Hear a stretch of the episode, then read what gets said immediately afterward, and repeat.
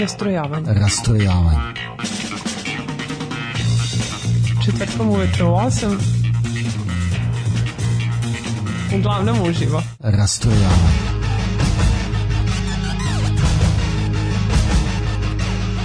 U 8 sati.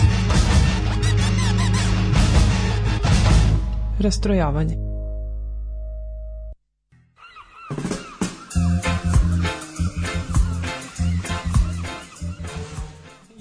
Ste čuli da počinjemo, jel da?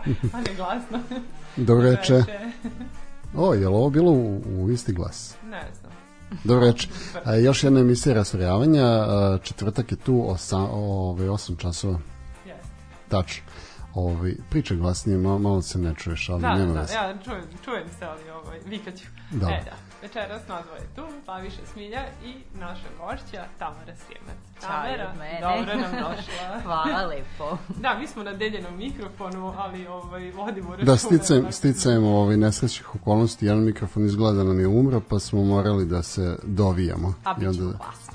Ne, mi ćemo udruženo sa ove Ti ćeš morati da budeš Dve Tamara se protiv čuje. jedne Slaviše s druge strane. Da, da, ovaj, prošli put kad, kad je Milica bila, onda smo se šalili da je ovaj, dve jake žene plus rukolac mi, miksetom. Jeste, Ovaj. pa to, to je bilo tako. Ovo je, ovo je volume 2. jeste, da. I, I uvek ovaj Milica se spominje kada sam ja u nekoj priči, nekako Pa pa ja. nas znaju Milica i Tamara, Tamara i Milica, Pa da. tako da, o, tu Milica. Jeste, e, da, dobro, drago mi je da si to rekla. E, Tamara, većina e, ljudi te zna kao novinar, što sa televizije, što sa radija, što iz nekih e, e, različitih e, festivala ili nekih e, feminističkih pokreta, da tako kažemo. I mi bismo voljeli malo da ovaj, tebe e, upoznamo i da malo naši slušalci čuju o tebi, šta su, kako si krenula da se baviš e, ovim poslom koji radiš, kako si odrasla, gde si odrasla i da onda tako hronološki krenemo ovaj, kroz tom tanku. Pa ćemo polako doći i do žene u kutiji, doći ćemo i do afe Do i sve. do znači, do ono, što nas, ono, ono što nas ovog trenutka iz, ovaj, interesuje, to je ko je Tamara Srijemac. Pa hajde da krenemo od toga da sam novinarka, pošto ste me već tako najavili da se tim bavim, ali zaista sam i po struci novinarka. Ja sam završila političke nauke u Beogradu. Tada kad sam ja želela da upišem novinarstvo, nije bilo novinarstvo u Novom Sadu.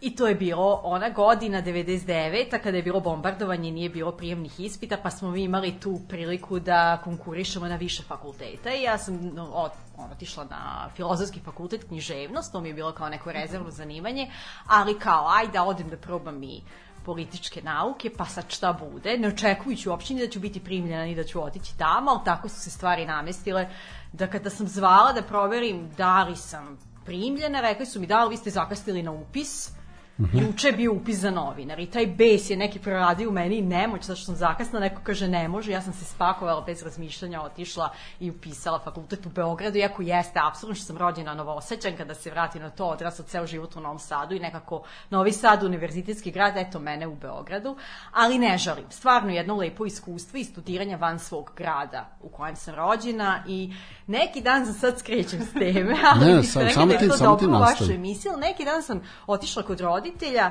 i pronašla sam stare one spomenare, leksikone koje smo mi popunjavali u osnovnoj školi i tamo imam o sebi i piše šta ćeš biti kad porasteš novinarka. E, tako da sam onda baš bila oduševljena Dobro, kako koji je to bio razred? E, a kako je to bilo? Ovaj, baš je E, dobro. Četvrti razred. O, sjajno. Četvrti razred osnovne škole. Sjajno. Lepa, baš, baš dobro što si to po- pomenula. Ja sam tamo htjela da pitam odakle ta želja da se postane novinar. Pa ne Baš znam, ja sad novinar. ne mogu da vratim to kada sam ja to poželela, ali nekako mi je bilo zanimljivo, to sad kao književnost, čitanje, pisanje, nisam ja naravno znala tada šta Mhm. je novinarstvo u tom pravom, da kažem sad, zanatskom profesionalnom smislu, ali mi je bilo zanimljivo to kao istraživanje, pričanje sa ljudima i to pretapanje i da se sad to pretoči u neku priču, ali nekako sam sebe uvek doživljavala da ću biti novinarka u štampanim medijama i to mi je bila zamisao, nedeljnik neki ako može. Tu sam sebe najviše videla. Radio, na primjer, nikako. To sam bila štampa ili televizijsko novinarstvo, pošto imam taj mali šprekfeler, malo r, koje valjam i onda nekako da. Nekako sam mislila, ne, nije moj radijski glas, ali na kraju, eto, nekim sticajem okolnosti sam završila na radiju i trenutno sad radim na radiju. E, Iako jesam prošla sve te, a, da kažem, medije, žanrove, bila sam i u štampanim medijima nešto manje, čak sam na fakultetu imala praksu u nedeljniku vreme i to mi i dalje nekako stoji kao a, neostvarena želja da se tu mnogo profesionalnije bavim novinarstvom, ali najduže sam bila na televiziji. Aha, e pa vidiš, ja sam baš htjela da te pitam šta ti je bilo izazovnije, znači taj deo e, vremena koji si provela na TV-u ili na radiju ili bukvalno pisani. Pa, televizijsko novinarstvo i rad na TV-u nauči, nauči nas sve. Jer bukvalno ja sam radila opet u paru sa Milicom, nas dve smo bile i tada tim, a, jutarnji program. Ja sam uređivala jutarnji program punih šest godina, do tada sam bila reporterka, radila sam sve ono što se pokriva u Da. redakciji informativnog programa i onda sam počela da uređujem jutarnji program i tad se oformio naš tim, Milica je bila u studiju, ja sam bila urednica i nas dve smo bile taj tandem. Tad su i mlađi i Daško se jedno vreme Da, da, uključivali da. u naš jutarnji da. program i taj jutarnji program i dan danas ljudi spominju kao neki period, zlatni period kada je bilo gledljivo, kada su Jeste. ljudi pratili to, E, ali e, RTV je tad stvarno bio super i davao mnoge mogućnosti, s druge strane bilo je za gomilu stvari štap i kanap, kao sve jedan veliki sistem i onda to mi stalno pričamo između sebe, moje koleginice, prijateljice iz iste struke, od Nataše koja je bila sa Da, da, vama, isto Vanja Đurić koja je sad na uh, N1, Kristina Šarić koja je na Novoj S. Mi stalno pričamo da te stvari koje smo naučili na RTV-u, ono gde god da nas baci, snaći ćemo se, zato što je stvarno tu svega. Mm, bilo bukvalno štap kanap. To je, šta, nisam ti sačula. Bilo bukvalno štap kanap. Pa bilo je i štap kanap i gomila ljudi i glomazan sistem i poimanje novinarstva na različite načine. Baš jedan veliki sistem u kojem se može naći sve i onda naučimo da radimo i u teškim okolnostima i u laganim okolnostima, ali nekako naučimo da se prilagođavamo. Pa da, Tako to, je- to je zapravo i najbitnije da Mhm. ti u tom trenutku zapravo pokazuješ koliko si sposoban da se dočekaš u svakom trenutku na noge.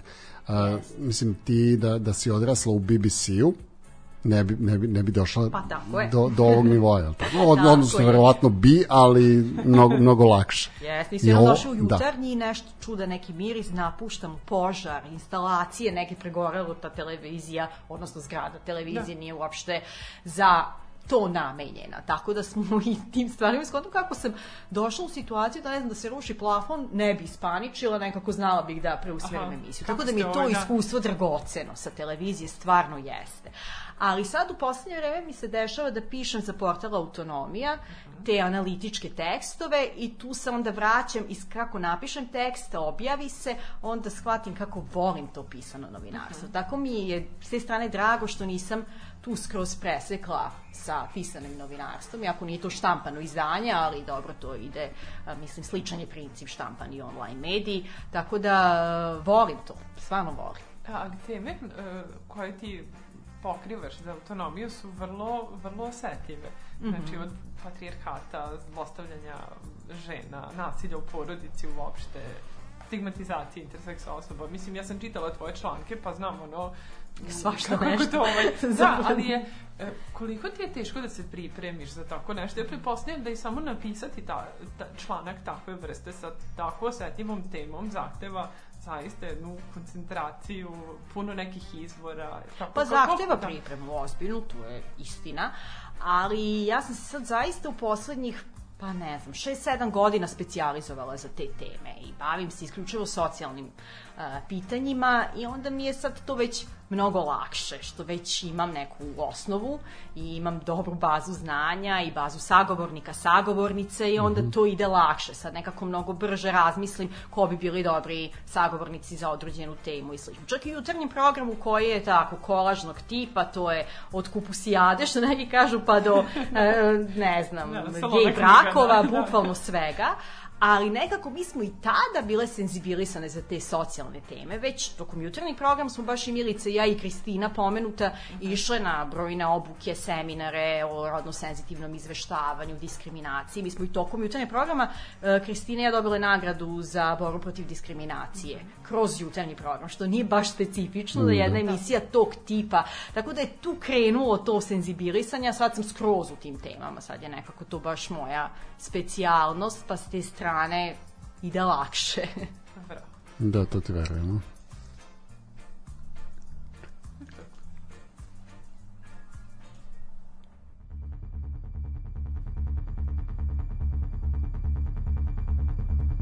thank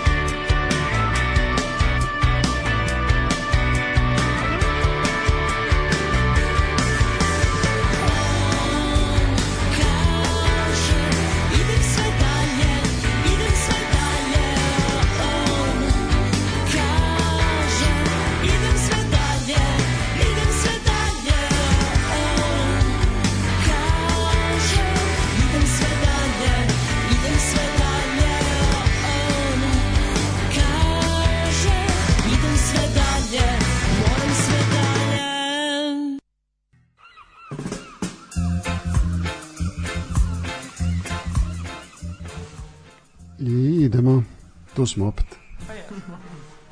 Smilja, slobodno pusti Aj, glas. da, da, da, već samo sad komentarišemo kako smo, ovaj, kako je Tamara odmah skrenula na svoje profesionalne, tako, je lakše tome da. da pričam. Upravo, upravo je rekao, ignorisala da. Slavišino pitanje ko je Tamara? Srijemac i odgovorila Navela na sam samo jedan od svojih identiteta. Ne, a zapravo, zapravo je ovaj, navela onaj najbitniji.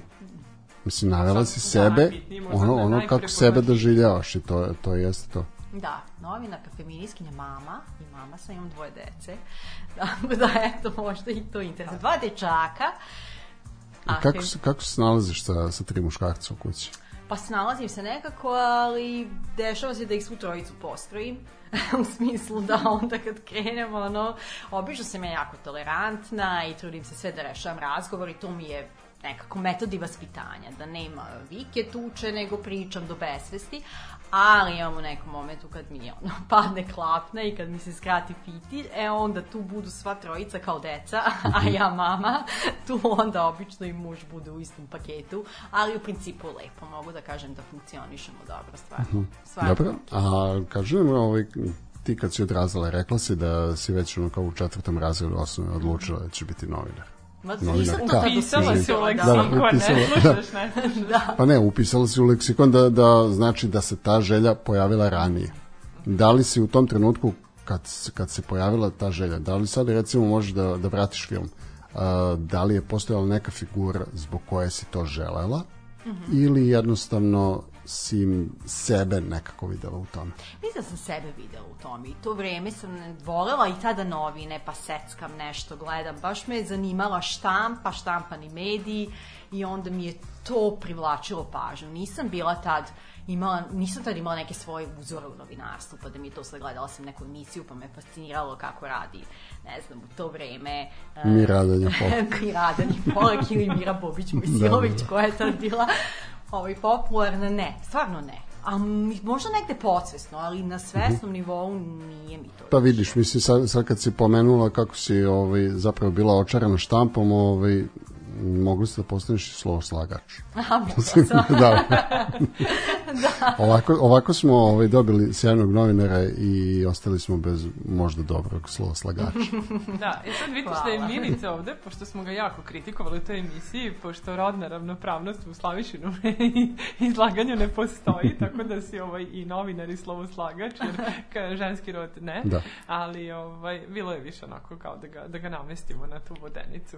A ovde i imaš slovo ženu, ovaj, da, da, da, da, da, da, ženu, ovaj, Jel postoji? Mada i to svi ja sad skrećem s time, ali sad kad si spomenula rodno senzitivni jezik, vrlo često će ljudi reći, ali dobro, to nije bitno, ko da je to važno, bitno je da se poštujemo, ne da li ćemo se zvati. Ja stvarno mislim da jeste bitno, zato što koliko mi menjamo jezik, toliko jezik menja nas i mislim da je to proces koji treba da ide paralelno i da to Da. sad ako ću ja da kažem da sam novinarka, to ne isključuje i te neke stvari što ljudi kažu da, imamo problem što ne znam, žene imaju niže plate, što e, ne znam, stradaju u partnerskom nasilju, a vi se bavite rodno senzitivnim jezikom, ali to nisu stvari koje se isključuju, to je proces koji treba da ide paralelno. Sad sam skrenula s teme, ali čisto da, Jeste, da ali to je jako pojasnimo bitno, to. to je jako bitno istaći. Tako da, a generalno ti si savršena osoba, te se sa tobom popriča malo o femi- feminizmu i svim predrasudama tako koje ljudi imaju o tome. Već smo mi sa Milicom tada ovaj, ispričali neke stvari, ja mislim da bi bilo jako,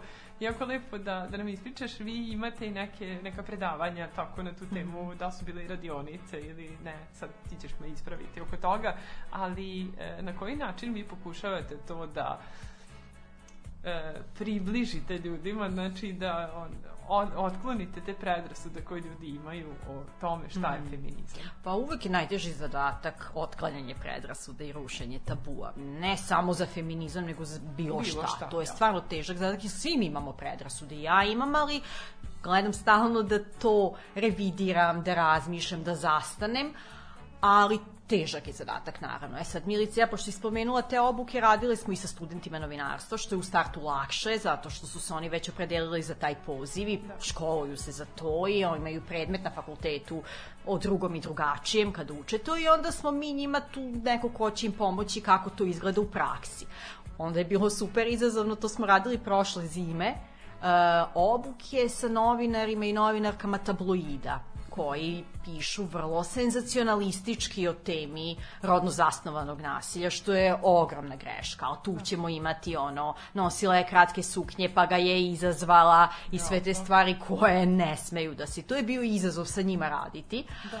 A opet imali smo i radionicu u osnovnim školama. To smo jednom radili u Šapcu I to je bilo ono sad kako deci približiti tu temu, a u stvari se ispostavilo da je deci najlakše to približiti. Jer to krenemo sa njima one osnovne stvari razlike između roda i pola, u smislu šta je to što nam je priroda dala da je različito, ne znam, muški polni organ, ženski polni organ i te stvari, a sve ostalo da dođemo do toga da je sve društveno uslovljeno. To krenu deca, roza za devojčice, plave za dečake i onda da, smo rođeni, što kaže Čimamanda, Milica je često uh, citira, nije mi roza boja instalirana u vagini nego mi je društvo nametnulo da ja kao ženska osoba moram da volim roza boju. E, to je otprilike to. I nekako vidi se kako su tu deca otvorenija i kako upravo to što imaju manje tog društvenog utice će oni lakše upiti e, te neke stvari bit će im potpuno normalno, pa čak i taj rodno senzitivni jezik. Njima to nije, moje, moj stariji sin, dečak, 11 godina, on stalno koristi rodno senzitivni jezik. Pritom mm -hmm. nemam ja da idem sad njega da bičujem i da mu govorim, nego je prosto prirodno to usvaja. Pa da, zato što je jednostavno odrastao u toj sredini Jest, u ko, da. koje se ovaj, mnogo lakše, um, mnogo lakše mu dolazi ovaj, mm -hmm. do do nekih eh, pa percep, pa percipira već na, na taj način. A to je, ovaj, i to da. opet ta priča kako zapravo smo mi oblikovalo nas i društvo, ljudi oko nas, okruženje i onda koliko je taj utica jak, koliko ćemo se znači, mi... Znači, zapravo, zapravo je rešenje uh, to krenuti od malih nogu. Jest. Jeste, ja i da. kada mi Milica bila u gostima, izvini, onda je ona baš dala primer uh, jednog uh, lepog načina vaspitanja, na ko, mislim, načina koji ti radiš sa tvojim mm -hmm. dečacima i kako ih učiš o tome da, da ispoljavaju emocije, baš sad i ove stvari koje si spomenula i to je divno i to je baš onako jedan primer za, mm -hmm. za mhm. roditelje kako treba da, da ono, postupaju sa svojom decom po tom pitanju. A kaži mi sad na tim radionicama sa klincima, šta su njihova najčešće pitanja kada pokušate nešto da im objasnite ili kako, šta vas pitaju nakon toga? Da li, da li onako primetite na njima ono neku promenu, da su se zapitali, da im je sad to onako neko novo saznanje? Pa nije čak ni promena, ni pitanja, nego se vidi najviše taj proces kod njih kako se oslobađaju. U početku mhm. su stegnuti i to onda kako odmiče taj čas, onda se javljaju i govore sve bez bilo kakve zadrške. To je super taj moment otvaranja priče i razmene mišljenja. Onda oni između sebe isto mm -hmm. pričaju pa nastaju kao neke male rasprave čak oko nekih stvari, ali s te strane se postiče dijalog. I da, mislim da, da. da to je ono što je meni uvek najveći utisak, kao super je to što ih je nekako to potaklo da, da pričaju. Ali, na primjer, sad kad smo držale radionice o trafikingu, to smo radile sa starijim e, školarcima Dobro. ili sedmi, osmi razred ili srednja škola I onda smo ih slušale iz naše emisije ispovesti žena koje su bile žrtve trgovine ljudima i to su onda ona tipična pitanja. Dobro, ali što je ona otišla sa njim? Tamo tipično ta predrasudna pitanja da. koja svi mi imamo ako ne poznajemo fenomen, e to onda ima. Onda kad mi krenemo njih da stavljamo u te cipele, dobro, ok, a šta sad, na primjer, ti odeš da radiš na more, misliš da ćeš raditi u kafiću, pa ti se desi to, pa ti uzmu pasoš, x, y stvari, da ja sad ne da. nabrajam u tom smislu, onda oni krenu da se raz, zamisle i tu vidimo neke male promene da su počeli da razmišljaju na drugačiji način, da postoji neki drugačiji scenarij od onog koji je njima dominantno u glavi. A da li ti nekad imaš, e, kada odlazite na te radionice, uh -huh. da li nekad imaš u glavi a, strah kako će ovo da ispadne? Da li, da li se plašiš rezultata? da neće biti na onaj način na koji ste vi zamislili prvobitno da, da ćete oblikovati tu decu, nego da će jednostavno da su oni došli dovoljno tvrdoglavi sa nekim svojim uverenjima i da će oni pokušavati da izguraju svoju priču. Pa ja uvek imam strah. Mislim, šta god da radim, pa tako i to. Uvek imam tu neku tremu, strah da li će biti tako kako sam zamislila, da li ću ja ispuniti očekivanje i da li ćemo doći do nečega. Mm -hmm. Mislim, to je osnova strah. Mislim, sad danas dolazimo ovde, pa isto razmišljam da li će biti to ono što ste vi zamislili, nekako uvek tako. Onda je obostrano. Eto. Ali to ja negde ne mislim kao nešto loše. Mislim da je to dobro zato što nam to daje mogućnost da napredujemo u svemu što radimo. Ako idemo tako, mislimo da smo ono savršeni za neke posao, ja sad sigurno te klince da oblikujem, onda mislim da ni neću doći do nečega. Naravno da ima i nekad loših stvari da mi tako pričamo, pričamo, ono tišina, da ja motam po glavi šta li sad oni misle i da imaju uspešnijih i radionice i emisija i svega, ali meni je to super što je to opet resurs koji nama je odličan za analizu, koji će nam dati opet na neki način da idemo u napred. Tako da ima naravno svega i uvek preispitujem ono što radim. I pre nego što radim, i dok radim, i kad sam završila, da li je moglo bolje, šta je trebalo drugačije. I gde sam trebala možda da, da reagujem, a gde sam mogla da, Tako da je. prečutim, da. Yes. Ja bih samo pitala još jednu stvar, a da li se desilo da ste imali e, neku drugu iteraciju radionice sa istom grupom? Recimo da primetite šta da, se da, desilo. napredak. nakon- Pa samo smo to sa novinarima tabloida kad smo radili, to je bilo E, ajde više susreta. Pa to je bilo super. da je bilo- Meni, na primjer, to e, baš lepo iskustvo. Jedina negativna strana što je bilo online, jer je to bilo u vreme epidemije i onda malo, sad mi smo svi preko Zuma i tako pričamo u mašinu, Da. ne vidim reakcije ljudi koje su dragocene, upravo to, da li me gledaju belo, da li odobravaju ili ne i to je izazov za sebe, to Da. ne volim, ali eto, tako je moralo. Ali smo imali konkretne zadatke u smislu kako bi se koja vest mogla napisati. Tu i stvarno smo stigli do negde i popravili neke stvari. Pritom, naravno, i tu ima sjajnih i novinara i novinarki. I mi tu imamo predrag da sad kogod radi, ne znam, za kurir ili za informer, nema pojma posao. Nije baš tako. Ima tu ljudi koji su i senzibilisani i znaju da rade i trude se, ali prosto imaju nekog iznad njih ko će reći mora da ide u naslovu tako, Tako da. Mora da stoji foto, mora da stoji mora video. da Da, da, stoji da, da, u stravičan užas ili novi sočni detalji o tome kako je ne znam ko pretučen ili Da. šta su zvezde govorile, da li je Branislav Lečić silovatelj ili nije, ima svega. I onda se nekad desi da i oni napišu tekst, pa im urednik promeni e, naslov ili naslovni blok. Tako da, dobra stvar je da smo tu videli napredak da su oni osvešćeni i da su svesni tih stvari koje ne valjaju, da smo dotle došli ali to vrlo često bude i bukvalno kao kompromisi. Na kraju, ok, ajde da ispregovaramo u smislu da svaki tekst makar mora da ima broj SOS telefona na koje žene žrtve nasilja mogu da se jave. To na kraju dođe do tog pregovaranja, oni ne mogu zato što je uvek uredništvo naročito portala, oni bitan im je klik zbog ekonomske dobiti onda oni uvek pucaju na te naslove. Neke stvari prosto se ne mogu promeniti, ali onda sve više vidimo takvih tekstova da je naslov takav kakav jeste, a da onda kad krene da se odmakne sa čitanjem da i nije tako loš. Tako da mislim da ništa to nije uzalud i da je dobro da se menja svest i da u svakoj redakciji makar imamo jednu, dve osobe koje su senzibilisane za te teme, pa sad kada ćemo doći u konačne promene, dok ćemo stići, ne znam. Ali ima inicijative. Da.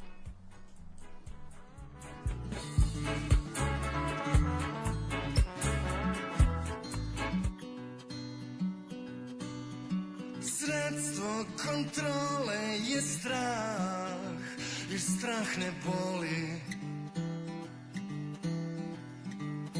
Tek ponižava i guši Da zažmuriš dok se ruši ubija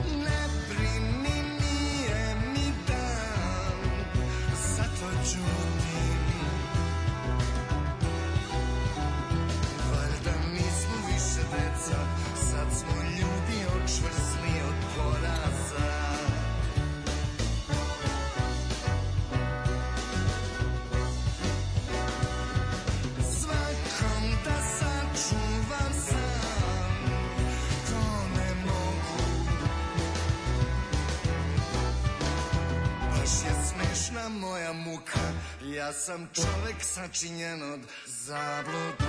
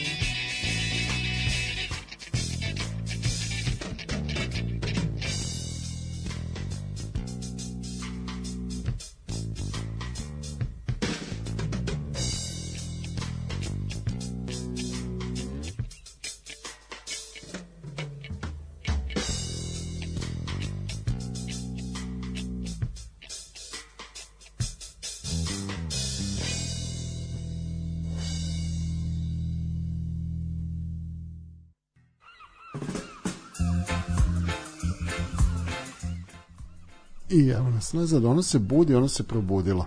A, koliko, koliko zapravo a, to što ti i Milica radite, odnosno sad Milica trenutno ne radi, ali to što ti radiš, koliko zapravo a, sebe doživljavaš kao nekog ko budi nekoga? Odnosno, ne, ne, ne znam da li si me razumela. Jesam, ovaj. jesam Ok. razumela, nego sam stala da razmislim, nekako razmišljam malo i pretim. Ne, zato što vidim kako me Smilja gleda i ono kao, ček, kao šta pričaš? Da, nije, nije, nije, nego razmišljam da ne bude sad neskromno kao ja, ne znam, otvaram oči, ja budim ljude, malo mi to... E, ja, ja sam imala jedno pitanje za tebe, a vezano za ovo što je Slaviša e, upravo pitao, pa možda će ti samo pomoći da, da, da da malo konteksta celoj priči. E, vezano je za jedan tvoj članak kada si ti pričala, e, pisala, pardon, o nekom o mogućem testiranju na genetski nasledne bolesti. Ono što sam ja tebe htela da pitam jeste e, da li znaš možda do kog broja žena je to doprlo? Da li su ti se javljale da kažu hvala e, pa ti to je na... super pitanje. Uh, odgovorit ću, neću sad slavišu da ispalim, sve ću objediniti. Prvo, što se tiče toga da li Ne, ne a, problem. budi, Mo- da da, znam, nego čisto da dovršimo priču, da jeste misija, ideja i naša želja da probudimo ljude, u smislu da makar otvorimo neke vidike, da počnu drugačije da razmišljaju. Da li uspevamo u tome, kod koliko ljudi uspevamo, ne znam, stvarno ne znam. Bude povratnih informacija, bude sjajnih povratnih informacija. Konkretno za ovaj članak, meni je to ali ja sam stvarno bila presrećna, zato što je to baš bila moja lična priča i to mi došlo u tom danu da napišem. Opet iz tog razloga, ajde, možda će nekog to zainteresovati, možda ću nekog informisati, jer ja zaista nisam znala a, da postoji mogućnost u zdravstvenom sistemu našem da uradimo te analize koja će nam pokazati da li a, imamo taj mutirani gen u sebi koji može da dovede do raka grlića materice ili do raka dojke. A, nisam znala da to postoji u našem zdravstvenom sistemu, a postoji. Ja sam prošla celu tu priču i onda sam odlučila da to napišem, da ne bude stalno da kritikujemo sistem, nego ajde da i spomenemo neke stvari koje su dobre. Ja kada sam otišla kod moje doktorke na kontrolu, izašao je već taj članak i ona mi kaže kako je posle mog članka, pritom ja sa njom nisam iskomunicirala, niti ja znam da je ona žena to pročitala, ne, ne znam ništa o tome. Ona kaže da posle tog mog članka su došle dve ili tri žene na pregled koje su rekle da su došle zato što su pročitale taj tekst i to ih je nekako pokrenulo da se pregledaju. Taj tekst je stvarno mnogo šerovao i s te strane mi je drago, zato što činjenice da svaka žena i muškarci naročito imamo taj moment da ne brinemo dovoljno o svom zdravlju i da kao stalno to negde buramo u zapećak i onda te neke stvari nam budu ok, neko nas je podsjetio, ajde, sutra ću možda zakrazati taj kontrolni pregled. Jer meni je stvarno jedan od kontrolnih pregleda, da kažem, spasio život. Ja sam operisala karcinom dojke, dobro sam, zdrava sam žena u ranoj fazi, bez hemioterapije, bez svega onoga što kvari kvalitet života, tako da s te strane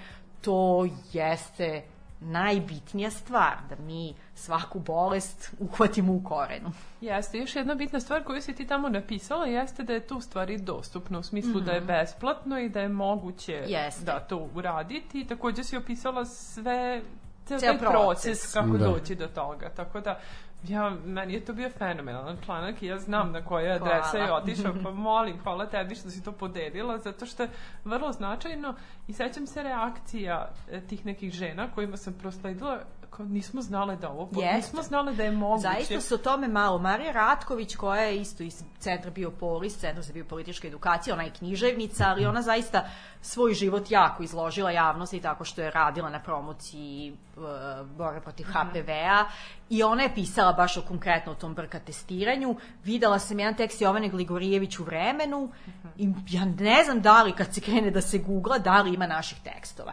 Jeste to bilo popularno u vreme kad je Angelina Jolie uh, izašla u javnost, da. Da. se ona testirala i odstranila obe dojke, tako da je tada to bilo onako popularno, u smislu odjeknulo u javnosti, da ne kažem popularno, nije baš popularna Da. tema, ali postala vidljiva tema. Ali inače se malo o tome pisalo, tako da jeste važno. Eto, to me možda i pokrenulo da to napišem, Pa. baš iz te ideje da ja sad nekome nekog informišem o tome. Pa jeste, ali baš to, kada si rekla, ona je izašla sa tim u javnost, ali napisala takođe i koliko to košta, je li tako? Mhm, I sad tako je. istovremeno su e, žene informisane, u stvari celokupna javnost sa tim e, šta je ona tu iznela, ali istovremeno je već za mnoge ljude to nešto što je neostvarivo i Nedostupno, da. nedostupno. Tako da ti si približila i taj neki moment da, Kada- da kako to može biti dostupno. Jeste, i da zaista to može može. biti kroz redovan zdravstveni sistem. Tako je. Svaka čast. to je, da, to je to kod nas. Ove, a hoćeš sad da se vratiš na ono ili da, da ti postaje no, novo pitanje? Pa da, to sam rekla što se tiče, kažem, stvarno jeste to cilj. Nama jeste to cilj i želja da budimo. E sad kažem, ne znam da li uspeva. Uspeva verovatno kod malog broja ljudi. Dobro, ali ti, ti srećeš ove ljude koji te ne znaju od ranije, koje, koje, koji te možda čuju. Mm -hmm. ove, e, kakve su njihove reakcije? Recimo, sad ti radiš novi prilog za ženu u kutiji mm -hmm. i ti dođeš kod nekoga ko zna evo, negde onako površno čime se ti baviš.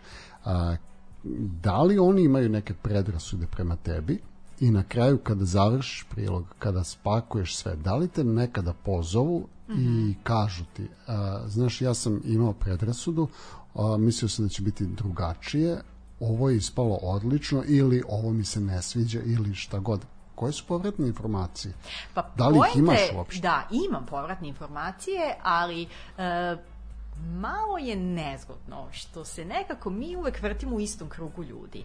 I to baš sad kad smo imali skoro tribinu baš na Fežeu i rekla jedna od sagovornica kako se stalno razgovara sa ženama i muškarcima koji su već senzibilisani i koji već rade na sebi osvešćuju svoje predrasude, ru- ruše svoje predrasude i naše sagovornice, više imamo sagovornicama da imamo i muškaraca naravno, a, to su uglavnom ljudi koji jesu eksperti i ekspertkinje za te teme, tako da oni već jesu senzibilisani, oni već znaju i za Milicu i za mene i znaju kako radimo i znaju da smo mi članice grupe novinarke protiv nasilja prema ženama i s te strane da smo apsolutno senzibilisane za te teme i uvek dobijemo povratne informacije i one koje prvi put snimamo i koje treći put snimamo, ali je najveći izazov i s te strane sam ja razmišljala kako ti odgovori na pitanje to da li budim, zašto je najveći izazov nama da dođemo izvan tog kruga ljudi, Upravo, do tih upravo. ljudi koji nisu senzibilisani, a tu nam još to kaska, da ne, nismo još došli do tog kanala komunikacije kako dopreti do ljudi koji uopšte neće kliknuti na feministički tekst, na feminističku emisiju ili na bilo šta drugo. Da, upravo, I upravo imamo, tome, da, da. Imamo ljudi, na primjer sad kolega jedan koji radi za politiku, on je nas kontaktirao da pravi onaj dodatak politikin. Ne znam, TV lice i to, pa on nas kontaktirao još iz perioda jutarnjih programa i onda kad je krenula radijska emisija, mi smo tad bile prebačane s televizije i to je bio zapravo povod sad, prebača iz televizije na radija, smene, urednika i sve to što se dešavalo tad na RTV-u. I onda on počeo posle toga da sluša ženu u kutiji, čovek koji uopšte, e to nam je bilo super i dragocena povratna informacija. On je nama posle svake emisije pisao, aha, nije ovo znao, super ste ovo uradile. Znači, jedan muškarac koji ga u startu ne zanimaju nešto mnogo te teme, ali su redki takvi primeri. Zaista redki da mi dobijemo povratnu informaciju. Ili se nakač, sad gledam i po našoj Facebook stranici žena u kutiji, AFŽ, ili je to već taj krug ljudi koji su otvoreni i spremni da prihvataju takve sadržaje, senzibilisani, ili su opet se nakače desničari koji će pisati koze, borkinje i sad smo dobijali tih povratnih komentara ponovo.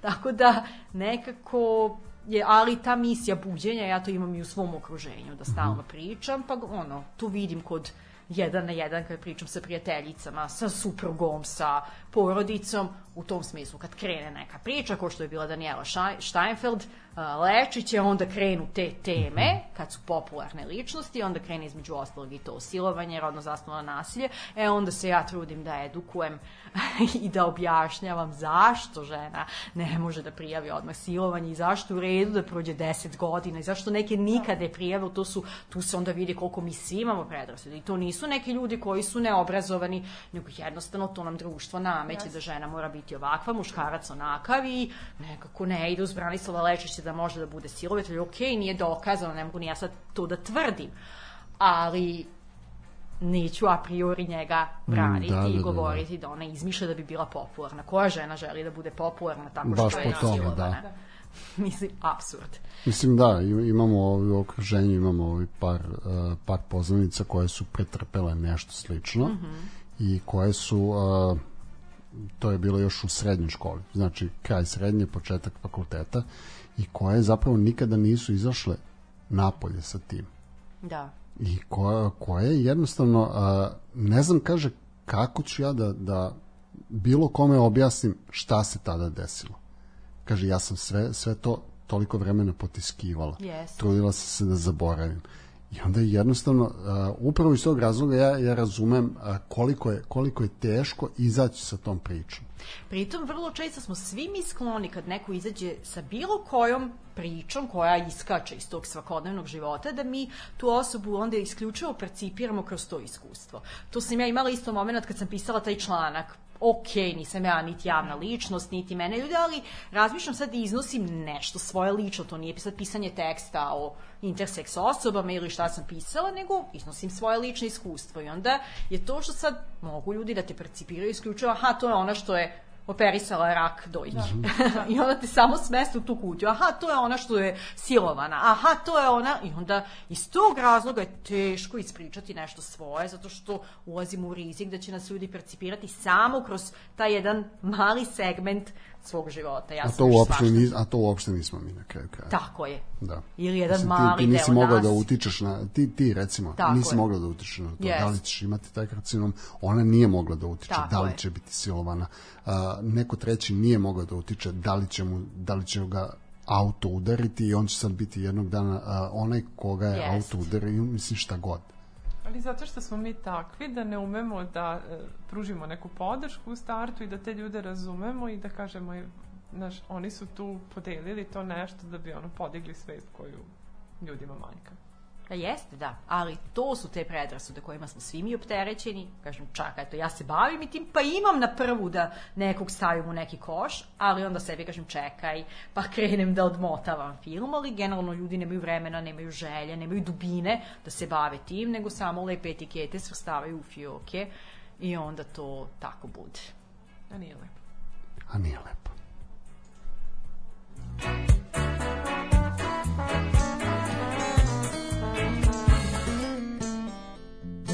I'll be your mirror, reflect what you are, in case you don't know. I'll be the wind, the rain, and the sunset, the light on your door to show that you're home. When you think the night has seen your mind, that inside you're twisted and unkind. Well, let me stand to show that you are blind. Please put down your hands, cause I see you.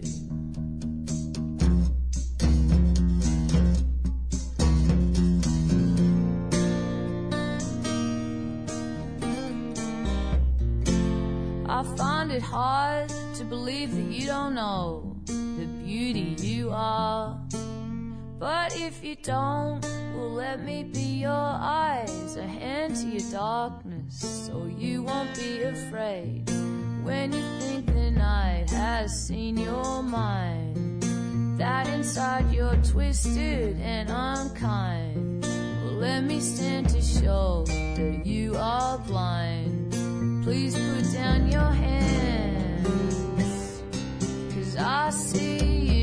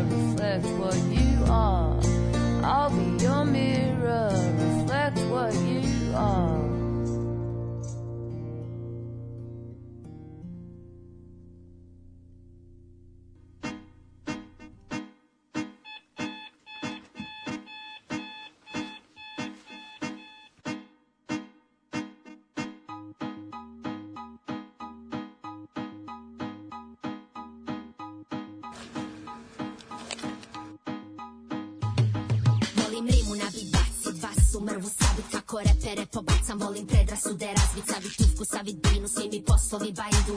Treba mijenjat satanje, sestra zna znanje Ništa manje za moj uspjeh, ništa manje Pa od njegovog svaki dinar svoj zaradim Potrošim ga predobro, al premalo me ceniš. Nisam niži rang, to što imam više para Nije dupe nego rad, nije interes snaga To što on me izdržava, nije papučar muškarac moj što me podržava. Znaj da nemaš prava, tako lijepit etikete Nemaš pravo dat mi otkaz, jer ja čekam dijete. To su stvari svete, pa zaboravi profiti Kad rađam i kad ne, dobro poslujem za dobit. Dekolte pomjeri, taman kukovi moji. To što ti ćeš gledat u njih nije moje, nisi profi. Ne dam da me slomi i danas ovako stanje Prije nego pružiš ruku mi misliš da znaš me. Svrstavaš u grupu, gledaš manu mi kroz lupu Zato remi. Sasja vode protivničku trupu. Ne, ne, ne znam šta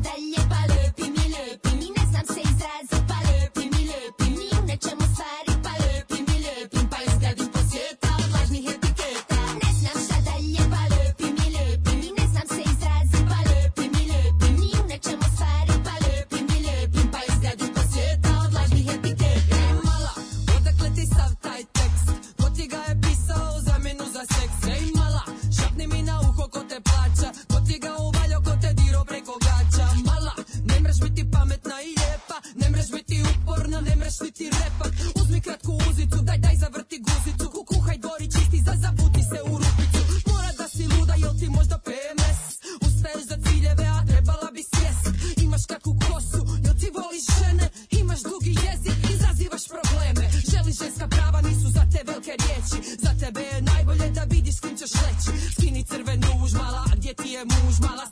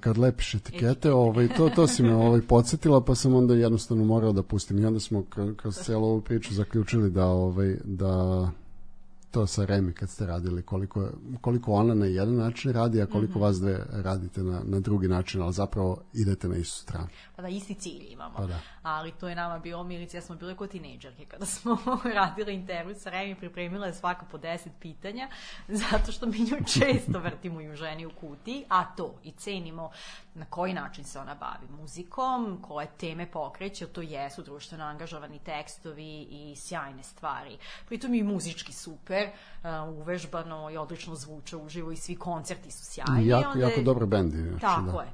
Nije samo ono, ta priča socijalna koja je nama zanimljiva, nego su i muzički odličan bend.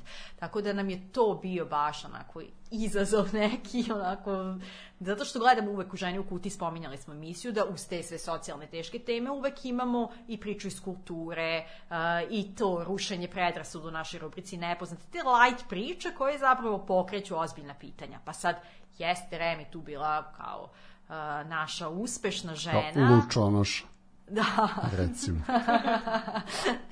Ovaj, tako da smo došli onako, da se vratim na tu priču, da smo imali svaka po, ne znam, deset pitanja koja će šta pre utrkivale se, ali je na kraju ispalo sa super i slatko i ona je pristupačna. Njoj je značilo i otvorili smo taj intervju sa uh, njenom pesmom Pokušaj života i ona je tu na prvu se crgla, zašto kaže niko ne postavlja to pitanje, ali to je pesma koja se uopšte ne vrti često, a zapravo govori o porodičnom nasilju ženi koja je žrtva nasilja. Onda ona nama to ispričala da je njima ta pesma bila jako važna, zato što je njihov član benda to ispričao, to je njegova životna priča, njegovih roditelja i ta pesma je napravljena i dugo, dugo je čekala nije se objavila zato što je on imao problem sa tim. U jednom momentu su odlučili da objave pesmu baš zato da bi opet pomogli drugima.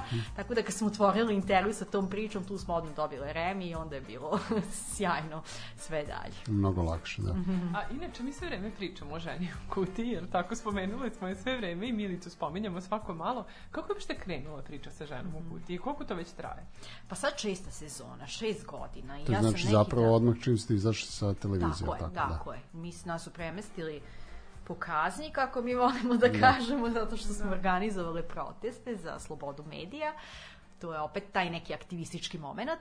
I onda kada smo došli na radio, to je bila ona dilema, jer zaista uh, Vanja Đurić, moja koleginica, sad smo spominjali Sanju Kljajić i Vanju, mi smo sve bile zajedno u toj našoj ekipi Podrži RTV uh, i baš se često setim Vanjine rečenice za radio Novi Sad, kao vrlo često su ga doživljavali kao čekaonicu za nešto bolje. I zaista jesu se stvari na RTV-u tako dešavale. Naravno ima predivnih ljudi na radiju i sjajnih novinara koji su isključivo radijski novinari. Ali taj premeštaj iz TV-a na radio je uvek se koristio u tom momentu kad se promene neke vladajuće strukture, nekom smeta, ti na radio. I na radio oni bukvalno čekaju neko svoje vreme kada će se ponovo vratiti na televiziju i pokazati nekome kako treba i šta treba. E, u tom smislu kada smo Milice i ja se našli u toj ulozi da smo prebačene na radio, je bila priča, ok, nećemo da nam radio bude ta čekaonica, nego hajde nešto da radimo. Da.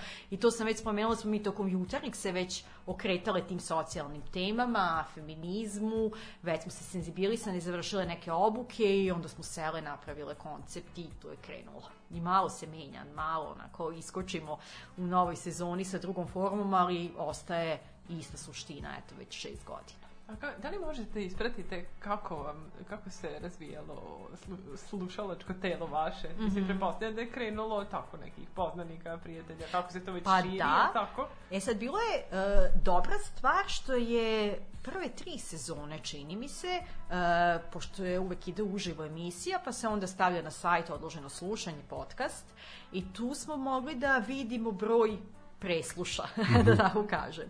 Međutim, to su iz nekog razloga ukinuli, tako da mi, eto, unazad već dve, tri godine uopšte nemamo podatke o tome koliko je emisija slušana. Tad smo imali, pa ne znam, bilo je ono 300, jednom momentu je došlo do 8000, kad je bilo, to sad opet sve zavisi uh, ko je gost, ko su nam, koje su nam teme, koliko ljudi Da. šeruje na Facebooku, a to baš u etru, u premijernom prikazivanju na frekvenciji radijskoj, to stvarno ne znam. Koliko To trenutno da. posta, da. Trenutno je tajna slušanost i gledanost. Dobro, ali na, na Prelazno. kraju krajeva imate tu Facebook stranicu, pa onda imate neke, neke, o, neki orijentir. Koliko, koliko, ne znam, lajkova, koliko šerova, koliko, a, koliko komentara, na kraju krajeva kakvi su komentari i sve to, znači vi na, u, na kraju dana imate neku povratnu informaciju. Ne, Pa ne znate da. koliko I vas ljudi sluša. Da, To da. je svakako, postoji interakcija Da, to je zapravo najbitnija stvar. Da, jest, jeste. Samo što je bilo super ono da vidimo tačno, egzaktno šta je, koliko, koja je emisija, zbog čega je, sad toga nemamo. Mislim, meni žao što to nemamo, tako da, ali eto, to, to nije već u mojoj moći. Pa da. Da. A da li vam se desilo kada ste počinjale da, da odustanete? Mislim, desilo se u tom premeštaju, jel tako se televizije na radio i sad vi ste osmislili to šta bi bilo ovaj, koncepte vaše emisije, krenule sa tim, da li ste ikada posumnjale onako u sebe i kao, jo, kao... Mi smo se odmah ovo? naložili na tu emisiju i nekako smo mi obe takve da se i dalje ložimo šta god da radimo. I ja mislim da to, to neće nikad prestati. Prosto sam ja tako. Ja ne znam da otaljam, nego ako nešto radim, to mi je super. E sad, bilo je izazova to. Moje porodinsko, sad je opet novi izazov. Milica se preselila u Sloveniju. Da li će biti trajno ili privremeno, ne znamo. Ali tri meseca je sad na neplaćenom. Sad to opet jeste novi izazov. Sad sam ja sama, ona će tu uskakati da pomaže, ali mi dalje uvek u nekoj budućnosti u svim planovima imamo tu ženu. kutiji. Da, da. Sad, u kojim okolnostima ćemo se raditi, u kom obliku, to ne znamo, ali nekako ne napušta nas ta želja da ta emisija treba da postoji i da treba da je radimo. Pa dobro je. A nije bilo onako nekih e, komentara ili pokušaja, znači te neke uprave sa radija da, da ne, E pa ne nije. utiče na neke stvari? Ne, E, nije. Stvarno nije. I to sad kakva priča, pod kakvim smo mi okolnostima prešli s Da. televizije na radio i imali smo ono, razmišljali smo može svašta da se desi. Mhm. Međutim, niko nas ne dira, prosto imamo apsolutno svoju tu autonomiju. Baš nam niko nikad nije rekao ova tema ne može ili nemojte ovo ili zašto ste, stvarno ne.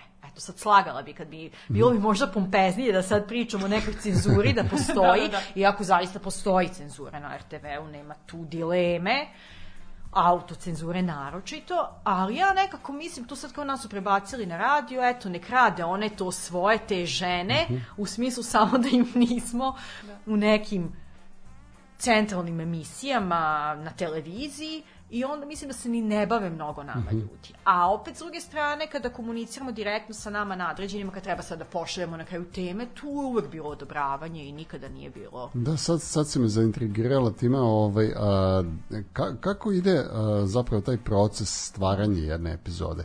A, vas dve, ono, mislim, vas dve se dogovorite koga ćete, šta ćete, da li imate nekog iznad sebe ko, kome morate da predočite taj nacrt epizode ili nešto? Pa, uf, a sad bukvalno, sad ću da banalizujem, ali to stvarno izgleda tako da Milica i ja sedemo, svašta se iskače od tema i nas dve koncipiramo šta će biti, mi već izmontiramo emisiju, onda samo pošaljemo mail našem uredniku i urednici šta imamo u emisiju, dobro i to je to.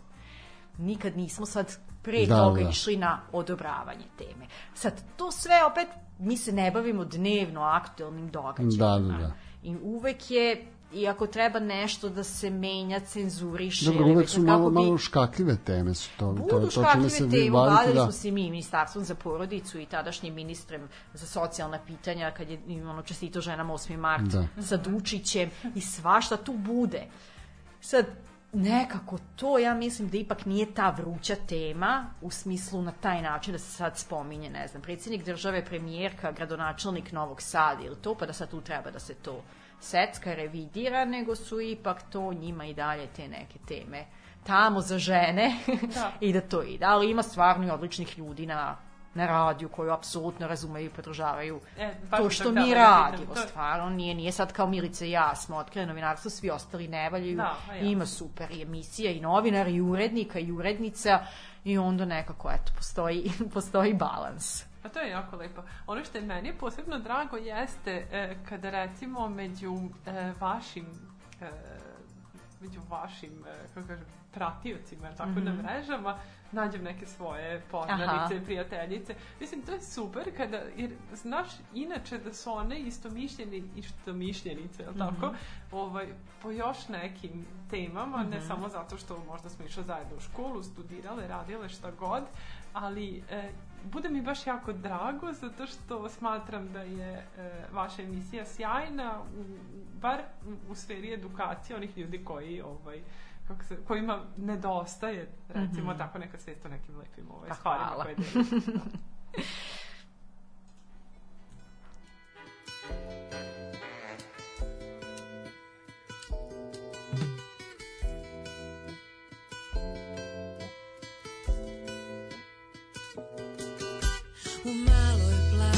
plavoj sobi smo ja i on Dijelili sve osmijehe i tijelo jelo. I pola stanarine kroz tanke zidove košnice. Čuli smo tuđi tebe i sve kečlica i šum vode I stenjanje susjede bi pričali kako pobjeći u nepoznato. On je rekao da ne srljamo i pričekamo Ali jebeš sve i čekanje. Ja bi odmah živjela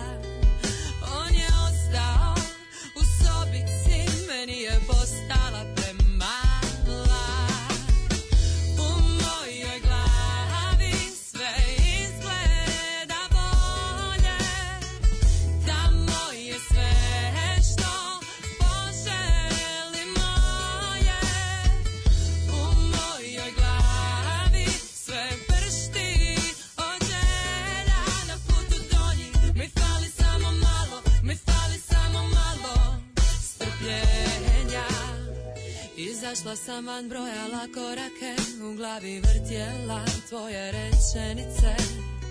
Ušla u banku i udahnula i praznom šalteru se primaknula. S rupom u džepu i bez izlaza. Rekla sam dobar dan, nešto bi trebala. Ja sam djevojka od dvadeset i previše I stvarno ne tražim suviše. Dajte da potpišem što trebate Da nađem izlaz iz nevolje. Treba mi pomoć za život na rate Jer ne trošim novac bogatog tate. Ja bi svoj da si život riješim Da se ljubavi iskreno nasmiješim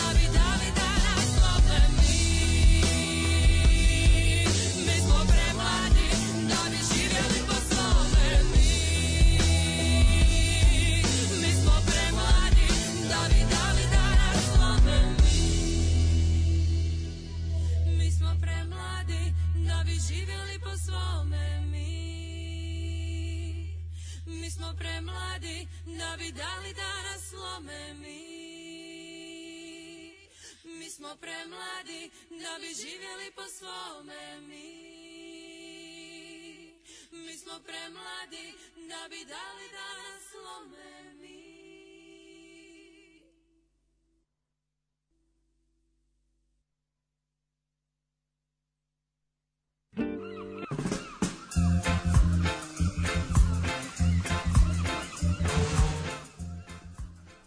E, Ja sad ne znam, ne, nešto sam hteo još da pitam o ženi u kutiji, ali a, moguće da ću se kasnije ovaj, vratiti na to, izvinjavam se.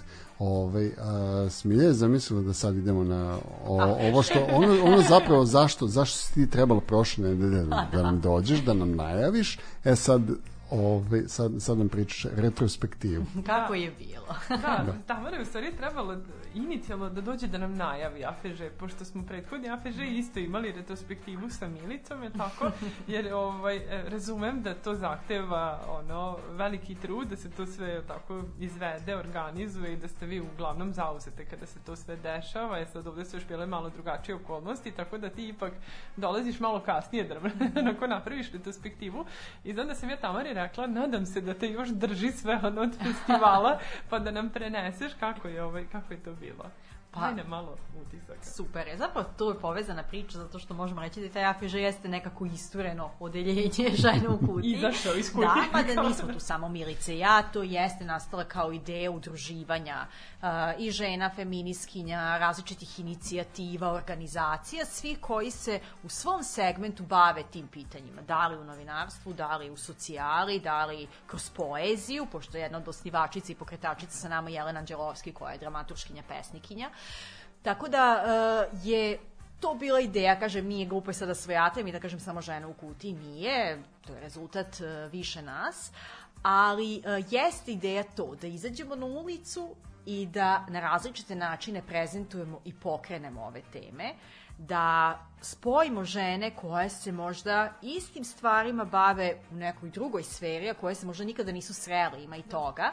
I to je negde misija naša AFŽ-a, da stavimo otprilike za jedan sto na jedno mesto žene koje su pišu poeziju, e, koje, ne znam, su socijalno tematizovane pesme, e, žene koje rade u Centru za socijalni rad, žene koje rade u nekoj nevladinoj organizaciji e, i u krajnjem nekad žene koje imaju neko lično iskustvo da li nasilnog odnosa ili bilo šta. Tako da e, to jeste ideja i to je ono što je meni najznačajnije na našem AFŽ-u. Prošle godine smo imali protestni hor koji je nama super.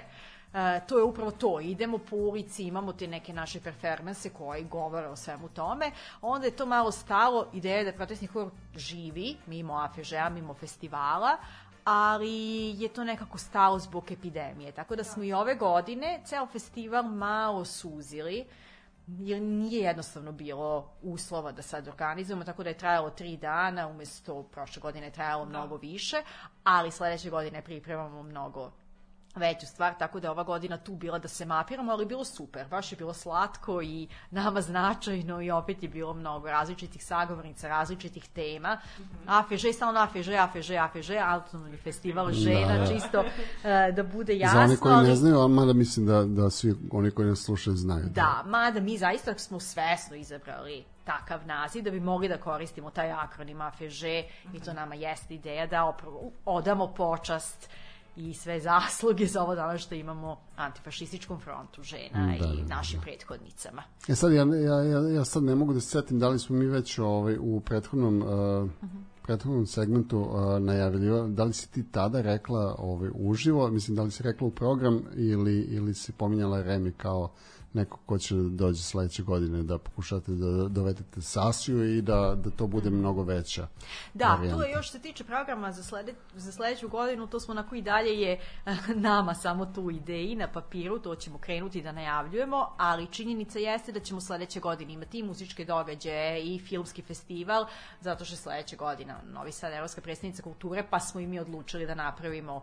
u tom smislu veći festival koji će nekako više imati te kulturne sadržaje. Sad ipak bila socijala i socijalna tematika u prvom planu tribine, govorni program, da smo opet imale sjajni nastup pesnikinja, ali to je opet socijala, to nije tralala, tako da e, s te strane e, ostaće okosnica našeg festivala uvek socijala, ali ćemo se truditi baš zbog toga da bi privukli te ljude, vraćam se na onu priču kako uvek imamo isti krug ljudi, e zato jeste ideja da povećamo festival, da imamo i te popularnije sadržaje koji će eto možda doći na koncert Elementala, ako to uspemo da dogovorimo, a trebalo bi ili Zemlju gruva ili već ne znam koji popularan bend da uklapa se u naš senzibilitet, a onda možda pre toga ili posle toga odsluša i neku tribinu i još pokupi neke sadržaje, pa na taj način eto možda dođemo do ljudi koji inače ne bi došli na samo tribinu o antifašističkom frontu žena ili o zdravlju žena ili o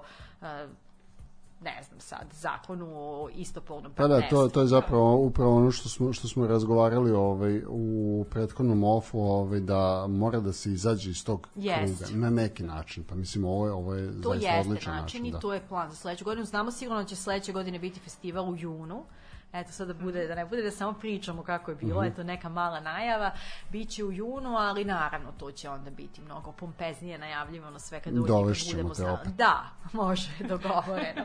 Da, Mislim, da, sad da. imamo sve na papiru, zato mi je neozbiljno sad da pričam doći Mhm. će taj, bit će to, zato što to je sve i dalje Još, još, u na, planiranju, na dugačkom da, štapu, nismo da. još došli, ali ja verujem da će biti onako kako smo zamislili, da svi imamo jaku želju da izguramo naše zamisli, tako da verujem da će biti sve okej. Pa dobro, verujem sad, e, koji je ovo zaredom bio? Drugi, jel drugi. tako? Prošle godine smo prvi put organizovali. Zapravo mi smo ga nazvali taj nulti, tako da, Da. ovo prvi, ne znam ni zašto smo krenuli od nultog, zato što je trebalo da bude... Zato što se prošla godina ne računa. E, da otprilike nije tako, bilo, ali ono da. 2020. pa smo kao krenuli nulti, 21. prvi, ali ukupno uh, Da, drugi, godine. drugi, drugi. Da, da, da, da. Pa dobro, ja sam prošle godine bila, Mhm. ove godine sam ono, izostavila, pošto nikako ovaj, nisam uspela da se organizujem, ali sam videla fotografije koje ste vi šerovali, neke, mislim da su bile neki kraći ovaj, video zapisi i e, onako primetila sam da je u publici bila ili onako baš e, mlada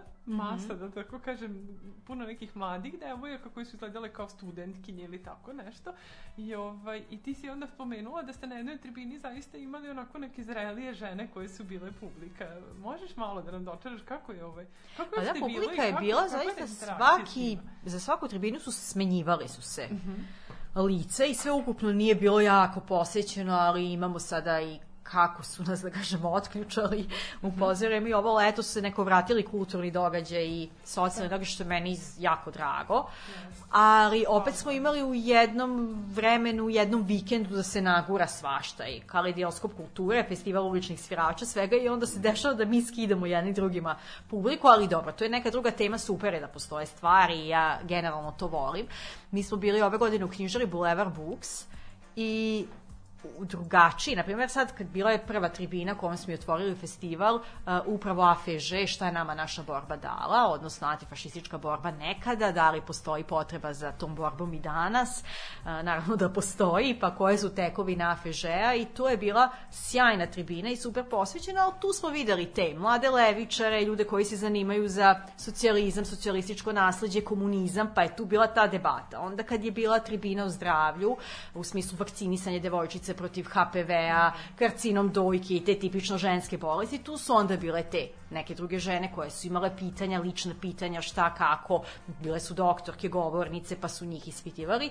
Onda opet smo imali i tribinu koja se ticala porodice, u smislu koliko smo mi, pošto smo cela, to nisam rekla da je cela ideja festivala bila da pričamo o ženskim kolektivima, a FEŽ jeste jedan od ženskih kolektiva, porodice takođe kolektiv, nije on kolektiv u smislu da su samo žene u porodici, mada može da bude i tako, ali smo u tom smislu pričali uh, koje izazove sve u savremeno vreme porodica uh, dobija i sa kojim problemima se suočava i da li smo mi spremni, na primjer, da prihvatimo sve oblike partnerstva u kojima ljudi žive u Srbiji i onda su tu bila opet neka druga populacija i ne znam, iz grupe Izađima, da je taj dan bio i Pride, pa je većina ljudi bila iz uh, LGBTIQ zajednice na Pride-u, ali smo tu opet imali neke možda mlade ljude koji su hteli da se informišu o tim stvarima na taj način. Tako da mogu da kažem da se stalno smenjivala publika, što je super, da nismo imali isti krug ljudi s te strane. Da, vidiš, ja sam baš htjela da te pitam, pošto prošlogodišnji festival je bio unutra i bilo je Mhm. drugačije, malo hladnije vreme i sve, a sad su vremenske prilike dozvolile da vi budete napolju. Mhm. Koliko si primetila da su ljudi, prolaznici, se zaustavljali, ono, Zaustave ostajali se da- prolaznici, da, mada smo i prošle godine, prošle godine je jako dugo trajao festival, to nam je tako bilo projektno napravljeno, pa smo imali 20 dana, ali su bile onako razuđene aktivnosti. Mi smo imali sve u 4 dana i onda i tu bilo toplog vremena, bilo i to nešto na polju, pa i protestni hor nam je bio na polju da, i da. onda ljudi obično stanu, Da, da. zainteresuju se, malo čudno gledaju, neko aplaudira, nekom je super, nekom je čudno, ali e, iza te tribine imaju prolaznici posebno, ideja nam je da uvek imamo i bazar, da će to na neki E, način da, da, da. da okupe, da malo pogledaju te proizvode, onda će opet da čuju, tako da bude uvek tih momenata da se ljudi zaustave spontano. A i opet za bazarom nije samo da ne bude sad da sebe ispravim, da nije samo bazar tu kao mamac da bi stigli Da, ljudi, nego nam je i to ideja da opet na neki način postičemo žensko Jeste. preduzetništvo, jer mi njima ne naplaćujemo tezgu i prostor, na većini tih bazara oni plaćaju svoje mesto na kom izlažu, to nama nije ideja, nego ideja je da one dođu tu potpuno besplatno i da zarade od svog rada, dakle sve to što su prodali da Jedna lepa da, promocija. da, da, da, da, da, tako da je to onda zaokružena priča. Pa to je jako. Pa dobro. Mogla bi od AFŽ do sutra, ali ajde.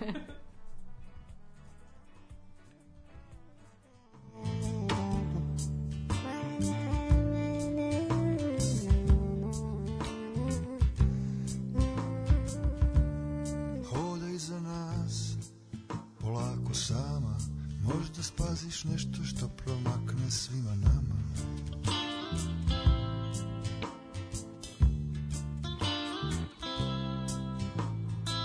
Ako se predomisliš i nađeš neki svoj put, mila Pođi njime, niko neće biti ljut, mila. Ako te pozovu neki drugi ljudi, tvoje srce poskoči presudi, budi nježna mila, budi nježna mila. Neki drugi život treba, neki drugi plan. Neki drugi čovjek treba, neki drugi način da započne dan Smjenjuju se godišnja u sekundi. Još juče smo se šetali, a sad se borimo za buntu dila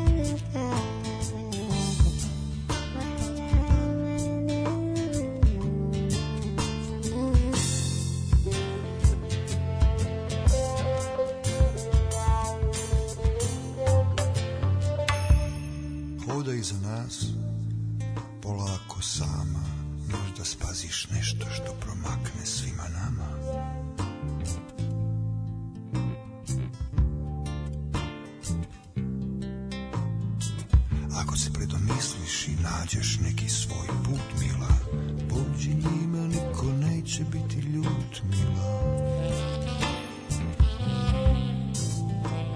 Ako te pozovu neki drugi ljudi, a tvoje srce poskoči i poludi,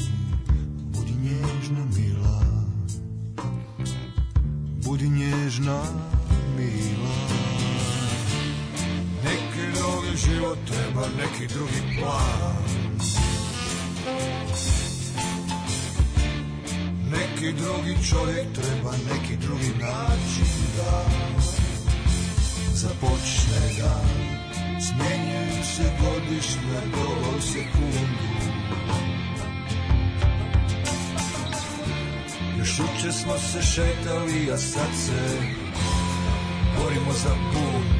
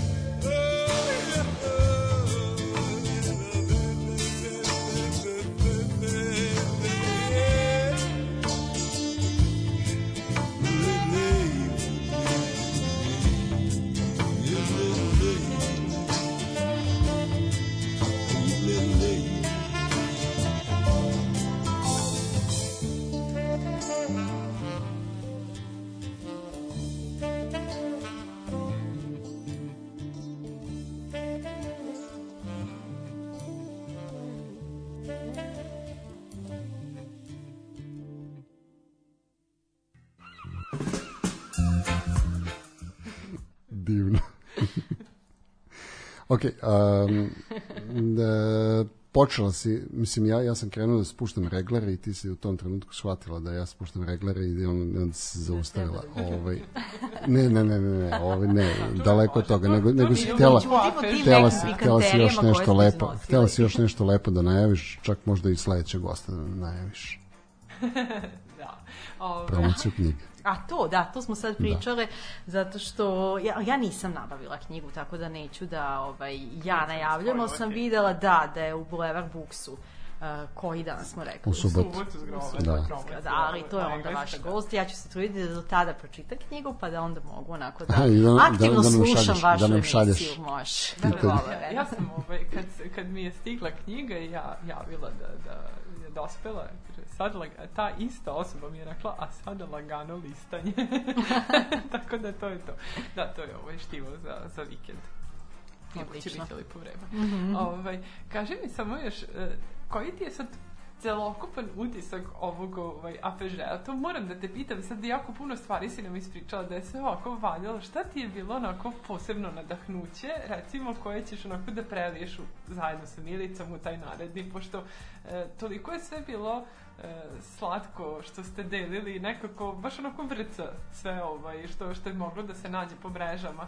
Šta ti je najveći Uf, uvek mi je najjači utisak to kada se skupe žene koje se bave ovim temama, ali u različitim oblastima i kada se nađemo sve zajedno, onda tu sve budu duše, zato što se inače ne sretnemo u nekim drugim okolnostima, ali evo, najveći utisak nek bude ovogodišnja kafe žena su nepraktične žene. Ja ne znam da li vi pratite nepraktične žene, kojih ne prati, nego ih zaprati na Instagramu i na Facebooku. Tu su žene, to je zanatska udruga, one su iz Renjanina, seoske žene, koje prave kuvarice. Znate da, one da, kuvarice što su stajale pre, za, da, iza da. Iza šporeta, šporeta. da. E, a, one su praktično napravile taj projekat sa kuvaricama, gde one sada kuvaricama otvaraju neke socijalne teme. Zapravo suprotstavljaju se patrijarhatu, uh, bore se za slobodu izbora, pravo glasa, sve ono što su te tradicionalne, suprotno ono što su tradicionalne kuvarice pre radile. Smo mi imali onu čuvenu kuvarice manje zbori, da ti ručak ne zagori i to je to. To je bila ta idealizovan slika žene koja je obično lepa, tu tako izvezena, uvek je ta scena kuhinja i te neke porukice da je žena u kuhinji. E, najpraktične žene, pritom su to se žene sve sa 50+, plus, onako mislimo kako to je opet ta naša predrasuda i stereotip, mislimo sad kako te žene su zaglavljene u tom nekom vremenu, međutim one su toliko produktivne i toliko su unapred progresivne, to sam htela da kažem, ali i produktivne, i onda one svojim kuvaricama poručuju jedna od njihovih, evo sad poruka, da se setim šta je bilo. Laž struji, vena makića, odsustvo ideja, prazna priča. To je, na primer, poruka sa njihove kuvarice. Ili robovi smo kapitala, sloboda spava, sve manje niče, hajdučka trava. To su poruke na njihovim novim kuvaricama. One to onako moderno izvezuju. Mi smo imali izložbu njihovih kuvarica u Boulevard Booksu. Tako da mi je to možda najjači utisak i bila je Brigita Međo, jedna od tih žena koja je bila naša gošća, Milica je s njom radila intervju i ja sam bila oduševljena. Zato što to nisu te žene koje smo mi navikli da slušamo na TV-u, to nisu ekspertkinje, stručnjakinje, nego su to te žene iz naroda koje jako dobro kapiraju šta se dešava i koje svoje lično iskustvo, to su dnevnici njihovi, pretoče na taj način. Da. I super je to što rade, tako da zapratite nepraktične žene, da. odlične su. Stvarno jesu. Vidiš, baš je lepo što si to pomenula, ja sam videla to i pročitala sam te poruke, ali sam skroz zaboravila, verovatno ste vi napisali ko je, ovaj, ko je u pitanju, ali da, pu, Ja puno je sam sad bilo prve toga, koje su da. mi pale na pamet, imaju one super i sjajnih poruka i sve, ili je satirično, ili je duhovito. I uvek je ono aktualno, ono sad korona je, eno izvezaće poruku sa koronom, brzo to one izbace. I to je opet taj ručni rad koji su mi ne vrednujemo dovoljno, ali su oni eto napravili neku malu revoluciju u tim Da. ručnim radovima. Jo, kakva dobra ideja da osvestiš neke. Jeste, tako, sa, sa super tako nekim stvar. cool poklon. Da. Tamara, hvala tebi što si ti večeras bila naša gošća, da ovde na jedan lep način osvestiš neke ljude o nekim bitnim temama u društvu, onom lepom što radiš, da si nam podelila tako puno interesantnih. Hvala Baš vam, meni je bilo jako lepo. Ja samo moram da kažem da mi je ovo, još jednom moram da napomenem da mi je jako žao što, što nisi došla pre, pa da nam lepo Mhm. ispričaš kako će to biti. Mada i o, s ove strane ima jako, jako Ja sam draži. nabacivala svašta, ali dobro, mislim da se stekao neki utisak, ali dobro, doći ćemo sledeće godine. Milica i ja možda zajedno da najavimo festival. Kako ću ja sa tri žene? Ne znamo da hvala ti još jednom. Hvala vam. Hvala, laku noć. Lako noć. Rastrojavanje. Rastrojavanje. Četvrtkom uveče u 8. Uglavnom uživo. Rastrojavanje.